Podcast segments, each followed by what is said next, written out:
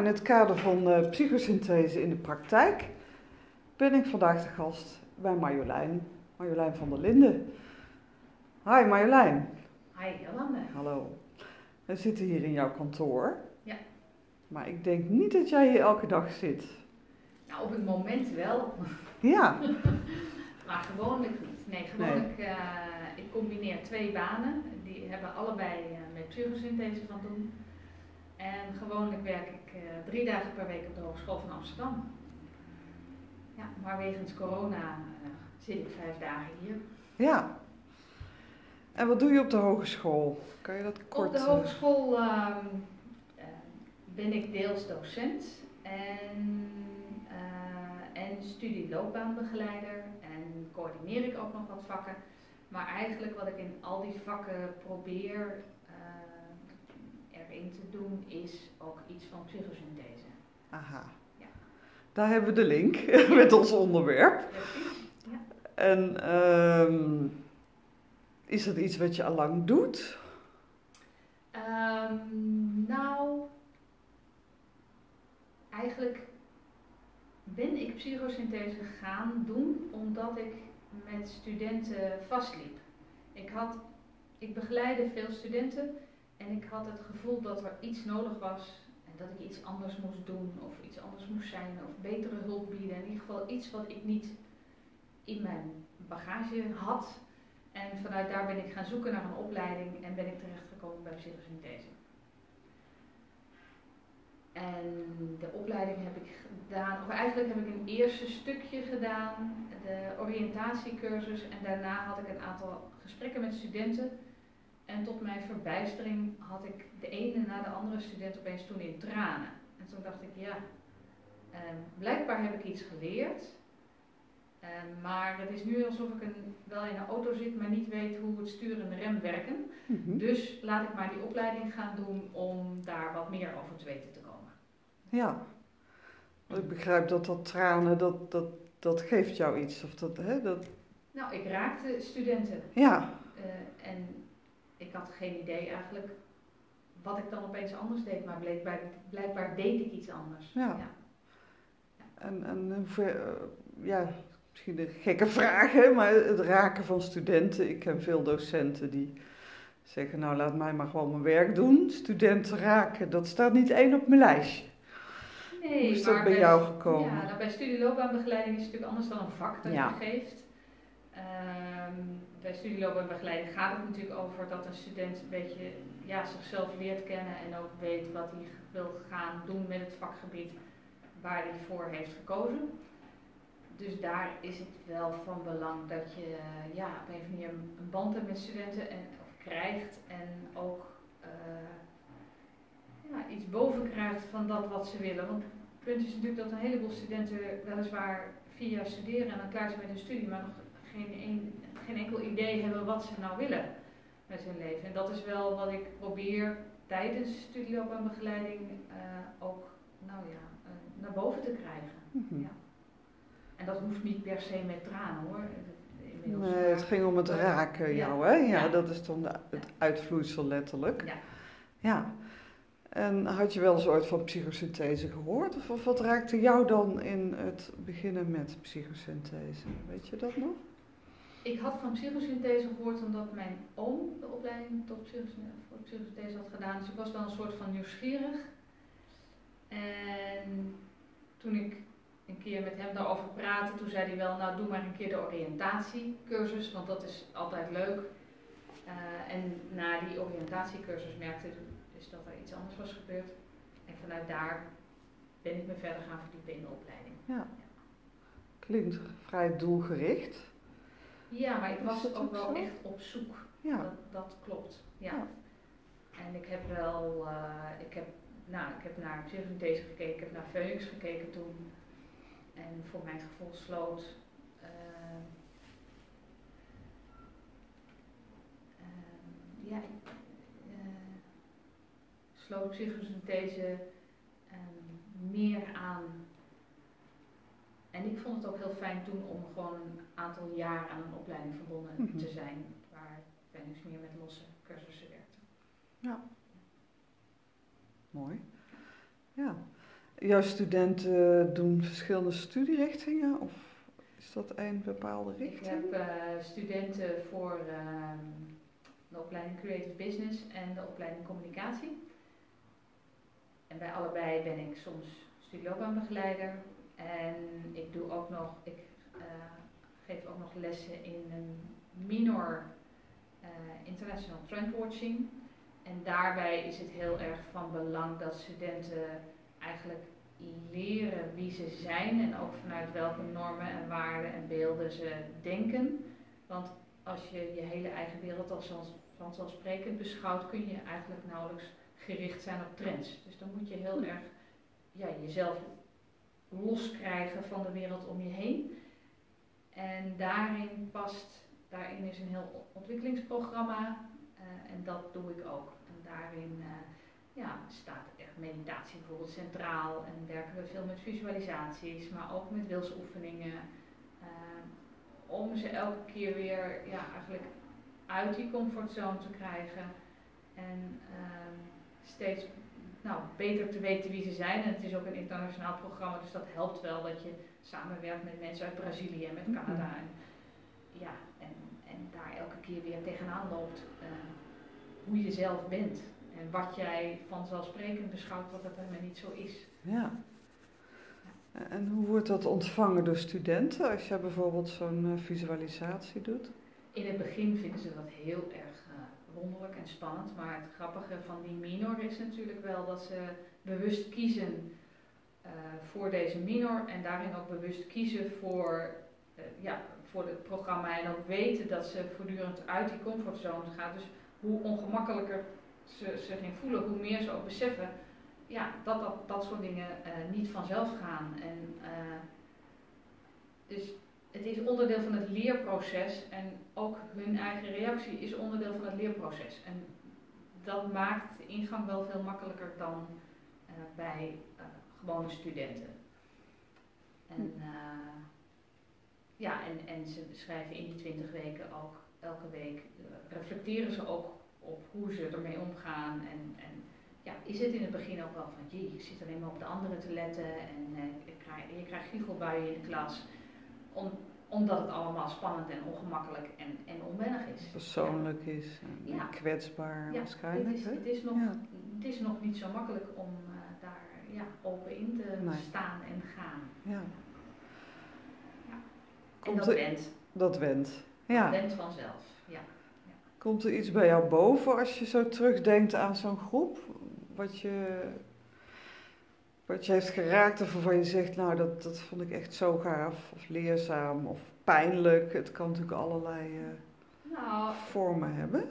Wat me elke keer daarin opvalt in die groep is dat er toch uh, mensen zijn, eigenlijk veel mensen die kampen met uh, angst, stoornissen, slaapproblemen, paniekaanvallen. eigenlijk best nou, allerlei dingen waar ze mee kampen tijdens die studie, wat ze ook meenemen. En, wat je eigenlijk dus pas verderop in de minor hoort dat ze daar uh, last van hebben. En uh, bijvoorbeeld een meisje weet ik, die, die zat echt, die zat echt paniekaanvallen en, uh, um, en die zei wel aan het eind van de minor, die zei ja, ik wist eigenlijk niet zo goed wat ik ermee moest. En ik was ook heel bang om tijdens die visualisaties weer in die paniek te schieten. Maar dat, uh, nou ja, omdat ze elke keer daarover mocht open doen. En dat is natuurlijk altijd vrij.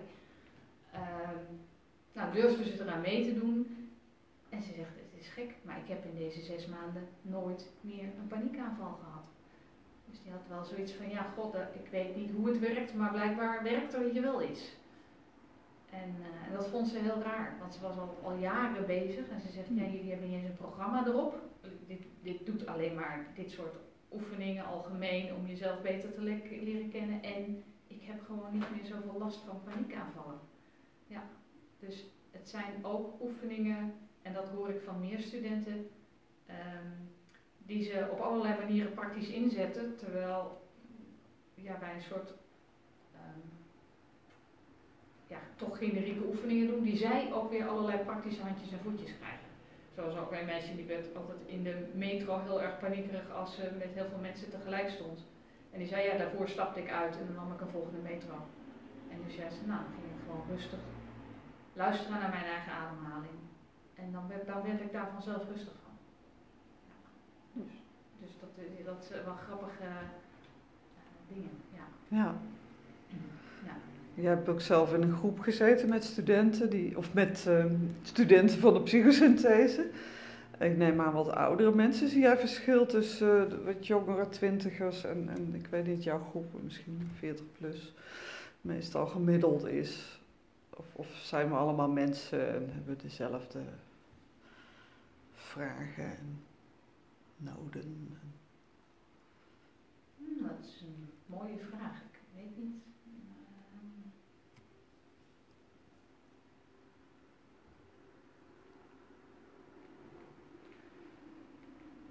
Nou, bij psychosynthese heb ik wel het gevoel dat je er meer aan hebt naarmate je wat ouder bent. Dat je meer dingen kunt plaatsen, dat je wat levenservaring meebrengt.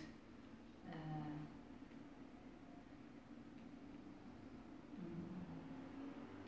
de andere kant is dat uh, toch ook menig student al een heel pakket uh, in zijn rugzak heeft. Nou, waar je ook maar op een of andere mee moet zien te dealen. Um,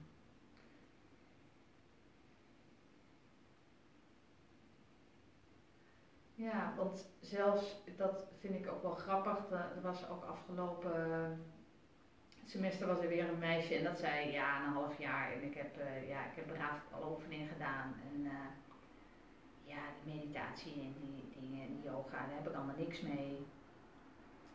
Uh, maar ik ben wel op zoek gegaan, want ik merkte wel, het is wel goed om ook dingen te doen die niet cognitief zijn, dus ik heb me ingeschreven voor een cursus uh, boetseren.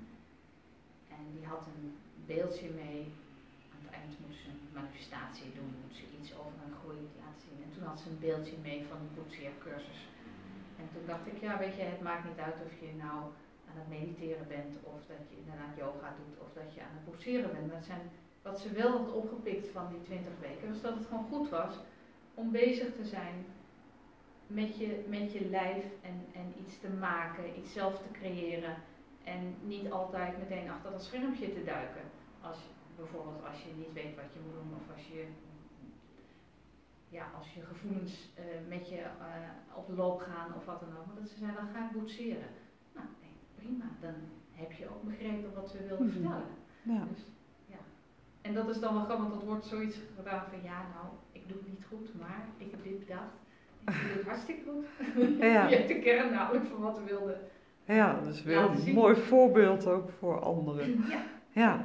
Dus pakken het eigenlijk allemaal op hun manier wel zo op, hoor ik jou dat zeggen? Ja. ja. ja.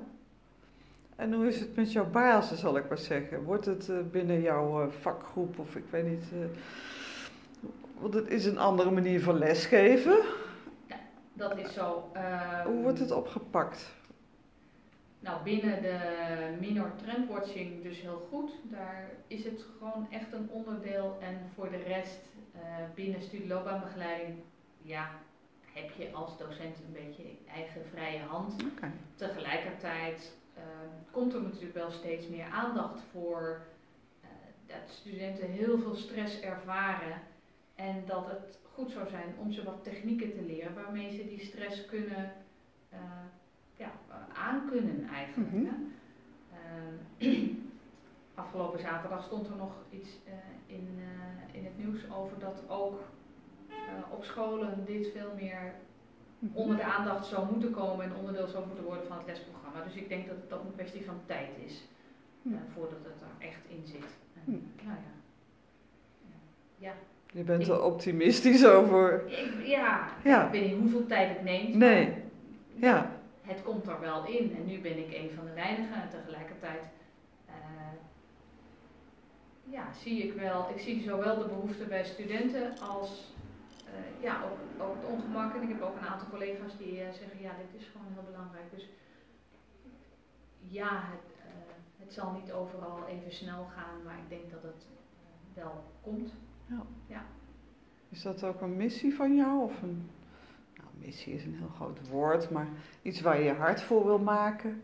Ik merk wel dat ik het uh, van belang vind. Het, het, raakt me wel als, uh, nou, als ik weer zo'n student hoor die met 18 of 19 of 20 volledig in de burn-out is beland. En eigenlijk zie je dat heel veel studenten het enorm goed willen doen. En daar totaal voorbij, zichzelf voorbij rennen. Ehm, ja, dus daarin wat meer zelfzorg. zodat ze nou, zich meer bewust worden van wie ze zijn en wat ze, wat ze kunnen, maar ook wat hun grenzen zijn, vind ik wel heel erg belangrijk. Ja. Ja. En als ik daarin uh, dit beetje bij kan dragen, mm -hmm. ja, doe ik dat graag. Ja. ja.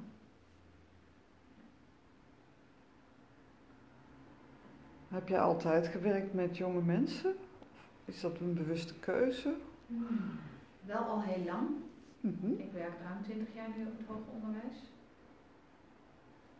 Uh, daarvoor niet. Ik ben opgeleid als uh, oorsprong bibliothecaris, informatiedeskundige. Dus ik heb eerst een aantal jaren organiseren van informatie gedaan en vanuit daar ben ik hier beland.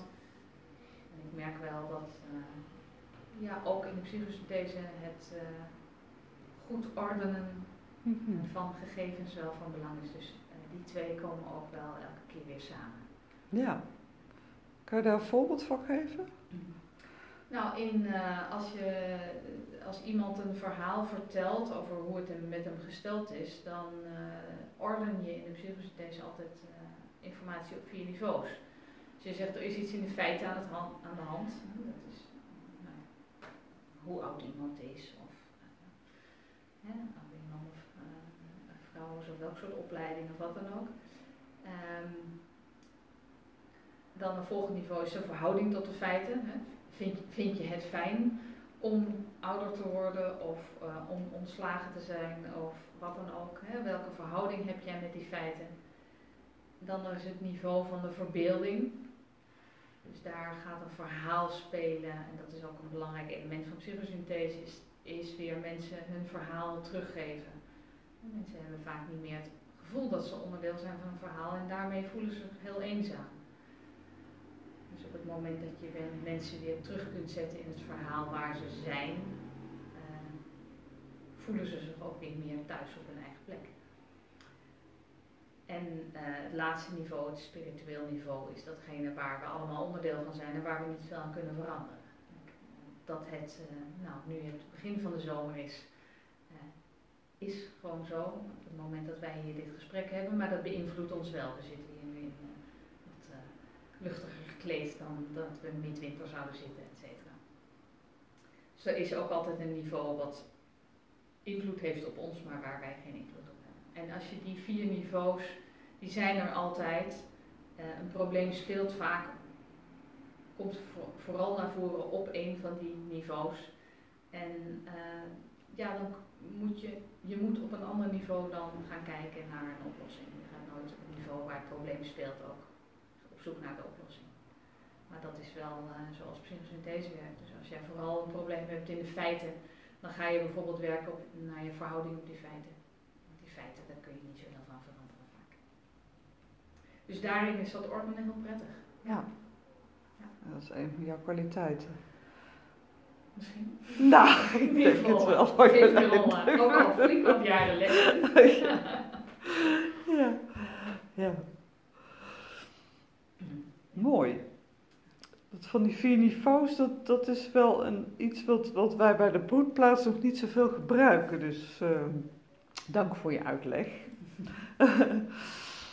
kunnen wel iets bij voorstellen mhm. natuurlijk. Ja.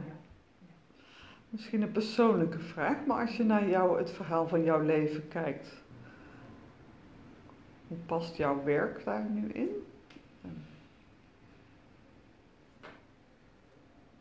Past het erin?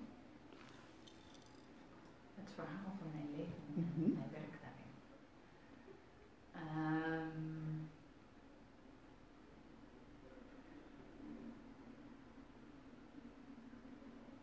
is een moeilijke vraag. Ja. heb me onlangs weer gerealiseerd dat eh, eigenlijk, en dat doe ik al wel heel lang, dat is echt een onderdeel van mijn leven, dat ik eh, altijd bezig ben met eh, meer zelfstandigheid en meer zelfstandigheid in gemeenschap, roep ik dat dan. in, vroeger was dat, wilde ik zelf, ik wilde zelf graag onafhankelijk zijn en zelfstandig en ik wilde het zelf. Um, dus ik wil inderdaad eh, zelf kunnen eten, zelf kunnen voor mezelf zorgen, et cetera. En uh, dat is langzaam, heb ik dat vertaald naar de wereld om me heen. Dus nou, dat is ook nu wat, wat studenten altijd merken aan mij, is dat ik ze voortdurend aanzet tot meer onafhankelijkheid en zelfstandigheid. Um, en tegelijkertijd zit dat ja, je bent ook altijd onderdeel van de plek waar je bent.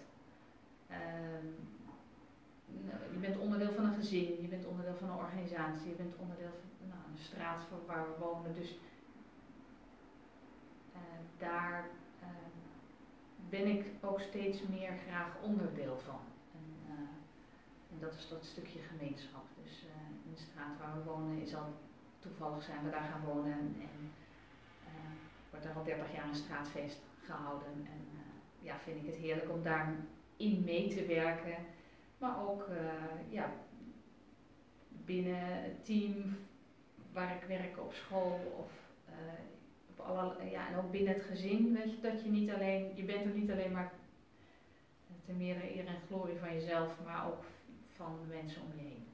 Dus die zelfstandigheid en gemeenschap is wel iets waarin ik zie dat er nou, zo langzamerhand uh, is dat, ja, kan ik wel zien dat dat echt een levensthema is. Mm Mooi.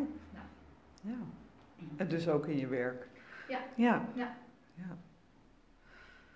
Wil je nog iets meegeven aan andere docenten of collega's? Of? Iets meegeven? Ja. Nou, hou vooral lol in je werk. hou vooral lol in je werk. Lijkt me een hele goeie. Dat is volgens mij het allerbelangrijkste wat je ook doet. Ja. Zodra, je, uh, zodra het moet, dat, ja, die, die, die krampachtigheid die er gebeurt als je het gevoel hebt dat je je best gaat doen en zo, dat is uh, mm -hmm. zo jammer.